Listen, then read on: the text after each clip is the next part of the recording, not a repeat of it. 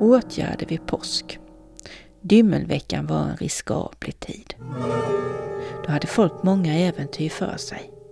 Man korsade sig vid dörrarna till ladugården och stall för att skydda kreaturen. Och många andra chauser hade man för sig. Man trodde också att det fanns folk som hade beröring med de onda makterna. Dymmelonsdagen så reste påskakärringarna av och sen kom de tillbaks på lördagen. Det var då man sköt påskaskott. Det är en gammal sägen att man sköt ihjäl en kärring i Skrinhult när hon red på sin ungskvast.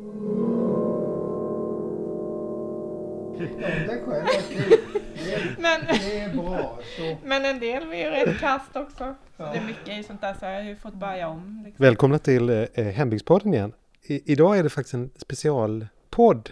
En, en påskpodd. För det är faktiskt eh, Dymmelveckan är det va? Ja, Dymmelveckan eller Stilla veckan. Eh, men den börjar med Dymmelonsdagen. Dymmel tycker jag är ett konstigt ord. Vad, vad betyder det egentligen, Jenny? Ja, dymmel det är en träkläpp som man bytte ut eh, kläppen i kyrkklockan med. Och det gjorde man från onsdagen då. Och för att eh, klockringningen skulle låta lite dovare. Ah, det är därför man... Okej. Okay. Mm. Så att, ja, det skulle vara en tid för stillhet och reflektion. Alltså vi har massor med papper framför oss. Eh, nedteckningar i, i gammal stil. Ja, jag, jag hittade en del här. Jag hittade en del som Franzi Gossult hade berättat. Han skickade in, skrev ner och svarade på frågelistor och lämnade in till Nordiska museet. Och eh, det var på 30-talet. Mm. Här är omslagspappret. Nu ska vi se vad det står. Härmed insänder jag några gamla sägner som jag hörde ut i min, mina barndomsår av gamla karar som är och borta nu. Jag själv är född och bor i Odensjö socken. Frans Johansson, Gosshult, Åsen.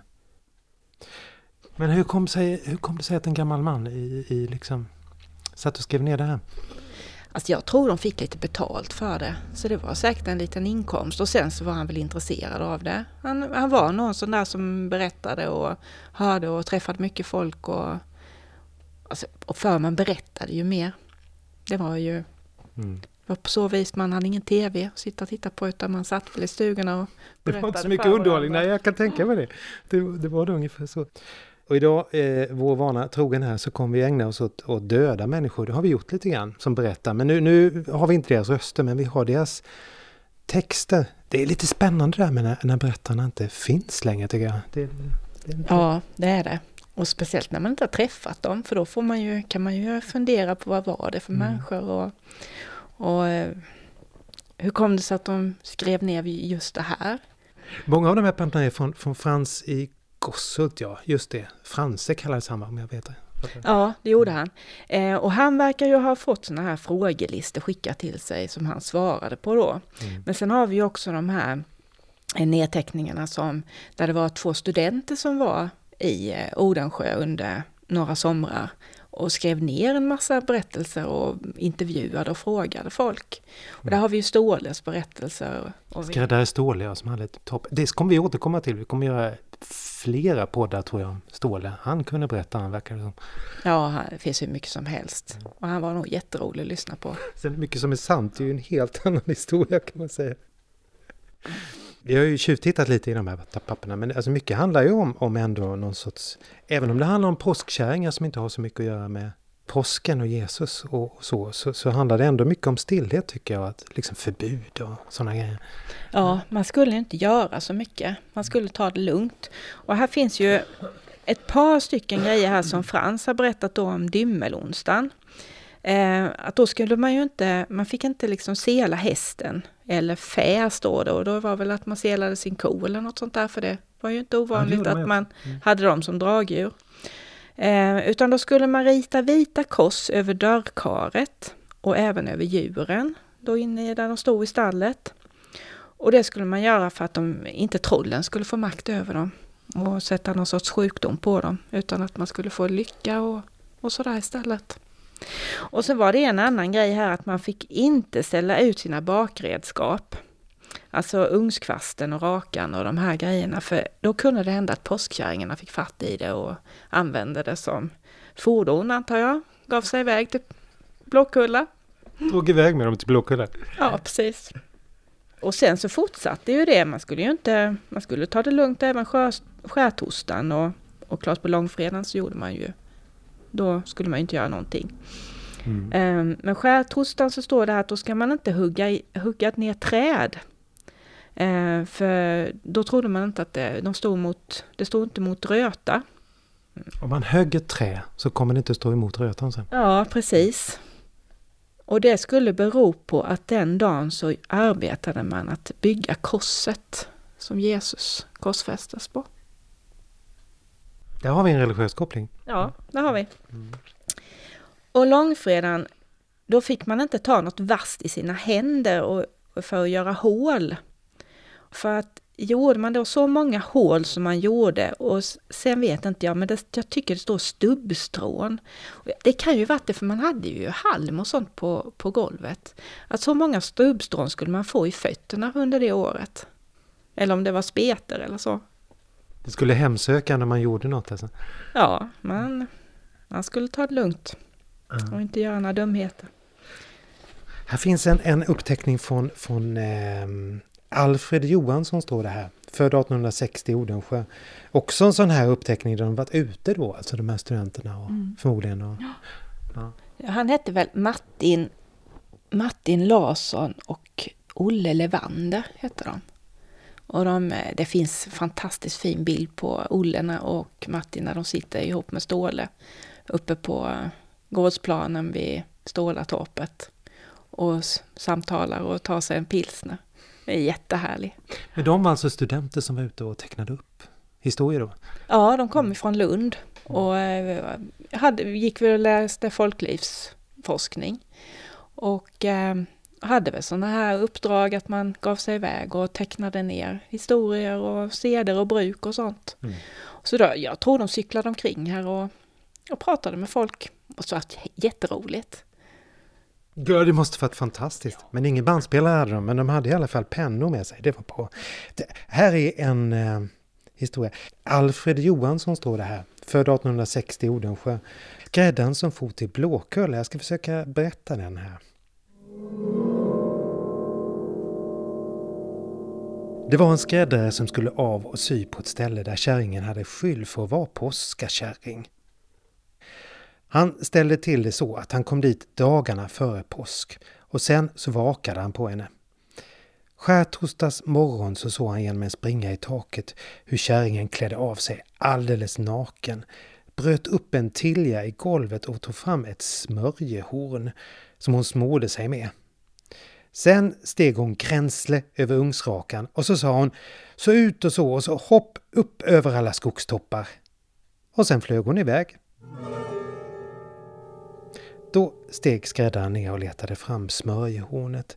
För det hade hon stoppat tillbaka på sin plats under golvet under tiljan. Sen smörjde han sig på precis samma sätt som han sett kärringen göra. Och så sa han, så ut och så så och så genom alla skogstoppar. Men det skulle han ju inte ha sagt, för att han höll på att bli alldeles uppsleten innan han kom fram till mötesplatsen.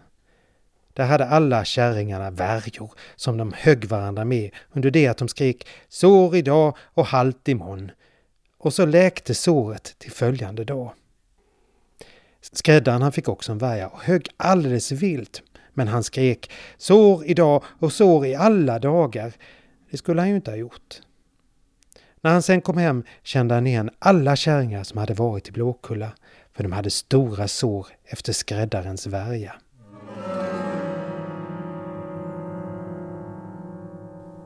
Den här historien berättade far, skriver alltså Alfred Johansson 1860. Det är några år sedan. Ja, det är levande när man, när man hör det. Ja. Det finns fler påskahistorier. Det här var ju Alfred Johansson, men du ja. har också hittat andra. Ståle berättar lite om, om påskakärringarna. Om vad, hur man skulle bete sig när det gällde dem. Mm. Och hur, hur det var på påskafton bland annat. När eh, när man kunde höra hur, eh, ja eller folk var ute och sköt efter dem. Så det smällde. var inte... De sköt efter dem? Ja, precis. Man skulle ju skjuta ner påskkärringarna som kom och flög över, över byn då, antar jag. Och eh, Ståle berättar detta då, att han har hört om det. Han har alltså aldrig upplevt det själv då, men så var det på den tiden. Mm. Dagsens sanning. Ja, dagsens sanning, ja precis. Ja, men du får läsa den, vi får lyssna på den.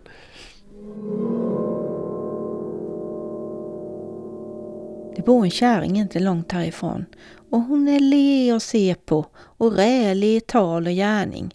Så det är inte fritt att man icke tror att hon är en påskakärring som reser iväg till Blåkulla när dymmen går in.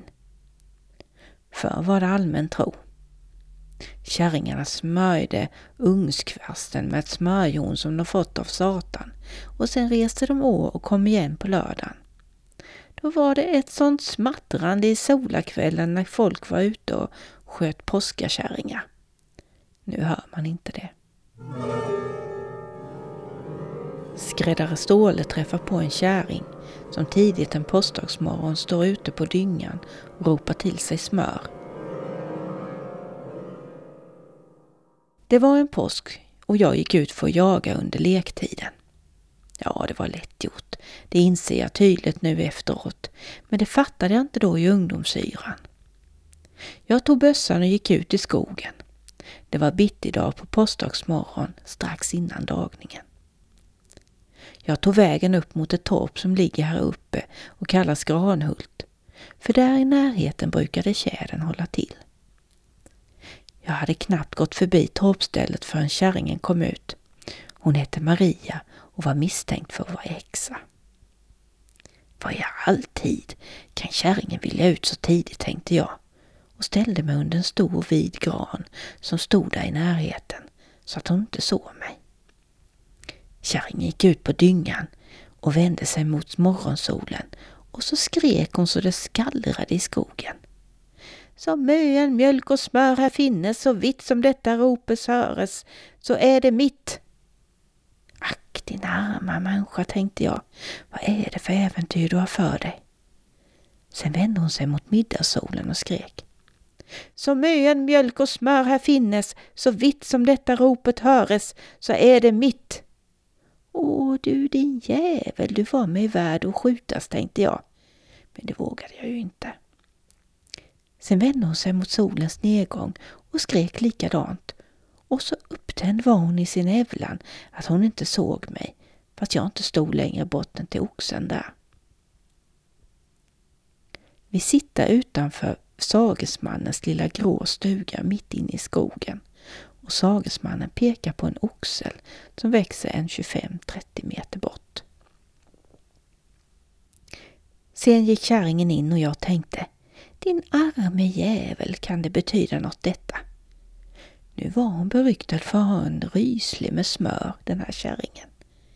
Det reste omkring uppköpare på den tiden och köpte upp smör och det var ingen som kunde klå Maria på granet i att lämna mycket smör och det fast hon bara hade ett par kor. Hennes farfäder hade också rykte om sig att vara häxor och kanske hade hon ärvt någon makt från dem. Eller var i jösse namn tog hon allt smöret ifrån? På så sätt funderade jag när jag gick sakta en lov inåt skogen. Rätt som det var så fick jag se en tjäder komma och slå i en granetopp ett långt stycke framför mig och börja knäppa. Dig vill jag ha du, tänkte jag och började gå åt det hållet. Mellan mig och granen var en slät i jämne mosse, så jag gick sakta framåt. Ja, du börjar väl leka snart, tänkte jag och om en stund började han mycket riktigt på med korta lekar. Då passade jag på och sprang fram på mossen. Det fanns en gångstig, så det gick bra att gå där. Tjädern fortsatte att spela så jag vann över utan att han märkte mig. Bakom en vie granestubbe så stannade jag och lyddes på hans lek. Rätt som det var så kom en hare nickandes. Kan det vara kärringen där uppe som har skickat ut en, Så att det är en mjölkhare, tänkte jag. Det påstås att det skulle vara farligt att skjuta på en sån för en kunde få haglen tillbaka. Nej, tänkte jag. Sitt du där, jag skjuter dig inte.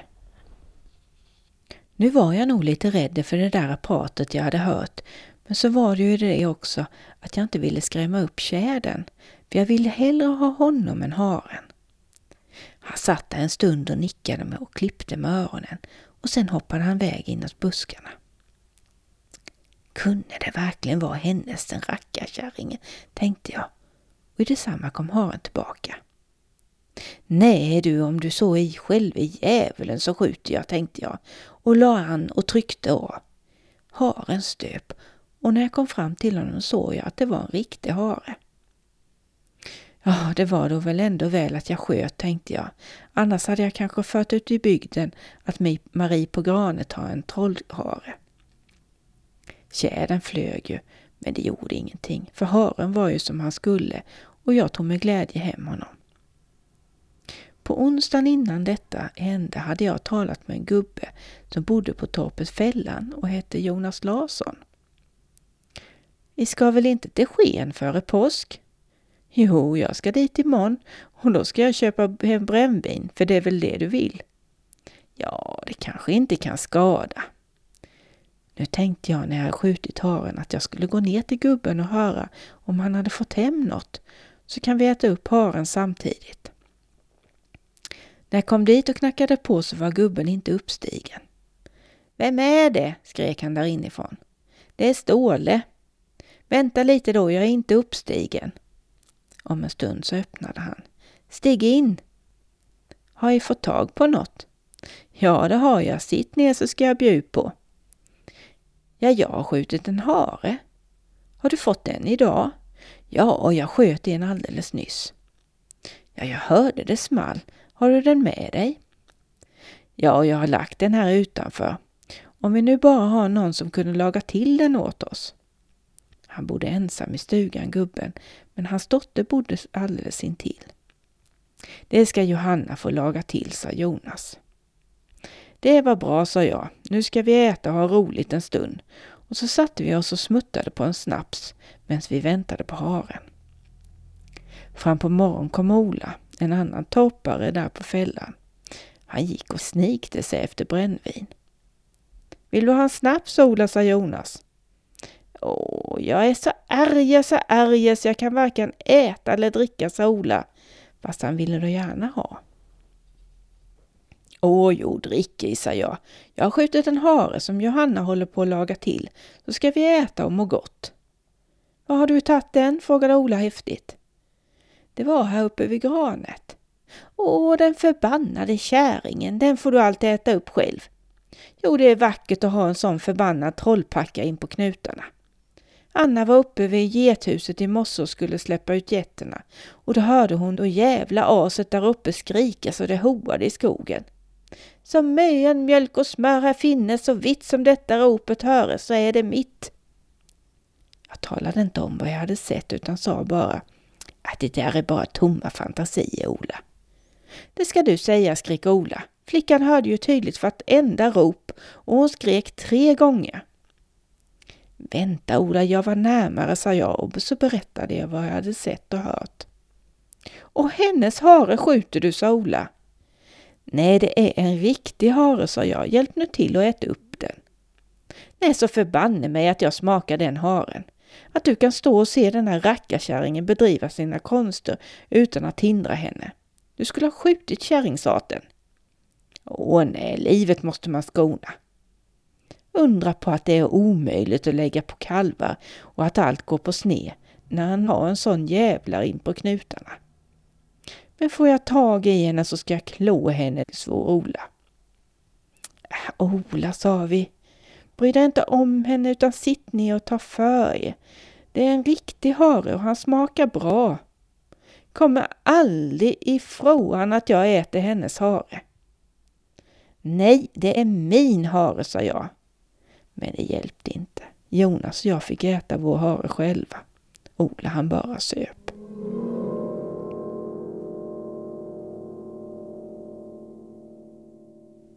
Historien är upptecknad så ordagrant som möjligt efter vår sagesman. Vi beklagar endast att vi inte kunde återge vår sagesmans minspel, gester och skiftningar i rösten. Framförandet var ypperligt. det var en rejäl historia. Alltså. Ja, verkligen kan man nog säga. Att Ståle hade sådana grannar. Han bodde granne med häxor, det är inte alla som gör det. Nej, Nej. jag känner ingen i alla fall. Här finns ju någon annan som också har skrivit rätt mycket. Vi har ju mycket papper här, men, men det finns också en bok som är rätt spännande. De låga små stugornas folk av Torsten Jönsson. Han var en sån här legendarisk journalist, som jag minns det. Jag kan känna igen mig ibland när jag läser om honom. Sådär. Han, han älskade att, att berätta. Han skrev för Smålänningen och var ute mycket och skrev många lokalreportage. Och sådär. Han har skrivit den här boken som vi säkert kan komma tillbaka till. Men, men här står det också om påsken. Så jag tänkte bara läsa en liten bit om påskfirandet här. För här förklarar han nämligen påskbrasan. Han förklarar den så här. Påskbrasan som brändes påskafton bestod av det så kallade fårariset. Kvistarna höggs av lövträden, vanligen i juli månad, och buntades ihop i stora kärvar. Löven skulle sedan bli mat åt fåren. De avätna kärvarna gömdes så till våren för att sen på påskafton samlas ihop och brännas. Det var sed att ungdomarna i en by samlade ihop fårariset från gårdarna till ett stort bål på påskafton. Dessa skulle tändas i skymningen. Enligt folktron så skrämde man på detta sätt också bort häxorna, vilka denna kväll flögo för att möta den lede vid Blåkulla. De vore rädda för bålet och då kunde de, när de blev skrämda, inte bringa ofärd över gårdarna, då de flög förbi där uppe på kvällshimlen. Seden att bränna påskbraser lever väl ännu kvar på sina håll ute i bygderna, ehuru det blir mer och mer sällsynt. Underbart ord, ehuru. ja. När han skriver det här, det är 47, då, då är det liksom som om påskbrasorna börjar försvinna. Ja. Men vi har ju påskbrasor här också fortfarande. Ja. Alltså om det bara är vettigt väder så brukar det ju vara en brasa här vid kyrkan. Nere mm. på, på åkerbiten där, som de brukar elda. Ja, så den där, där kom man på skam med sina historier om påsken. Eh, det var allt oss den här gången, men vi kommer tillbaks. Eh, men om 14 dagar, vi tar på denna nu var 14 dag för att annars blir det liksom, vi hinner inte med. Nej, nu när det är vårbruket så går det absolut ja. inte. Det... Jag ska ut och plantera och jag ska renovera. Ja. ja. Precis. Men vi kommer tillbaka om 14 dagar igen och då tror jag att det kommer att handla om Ståle. Det har vi nästan bestämt eh, skräddare Ståle och hans många, många historier som finns nedtecknade. Och där har vi även faktiskt träffat en anhörig till honom. Hon lever inte heller längre men hon, hennes berättelse finns på band. Så vi kommer tillbaks.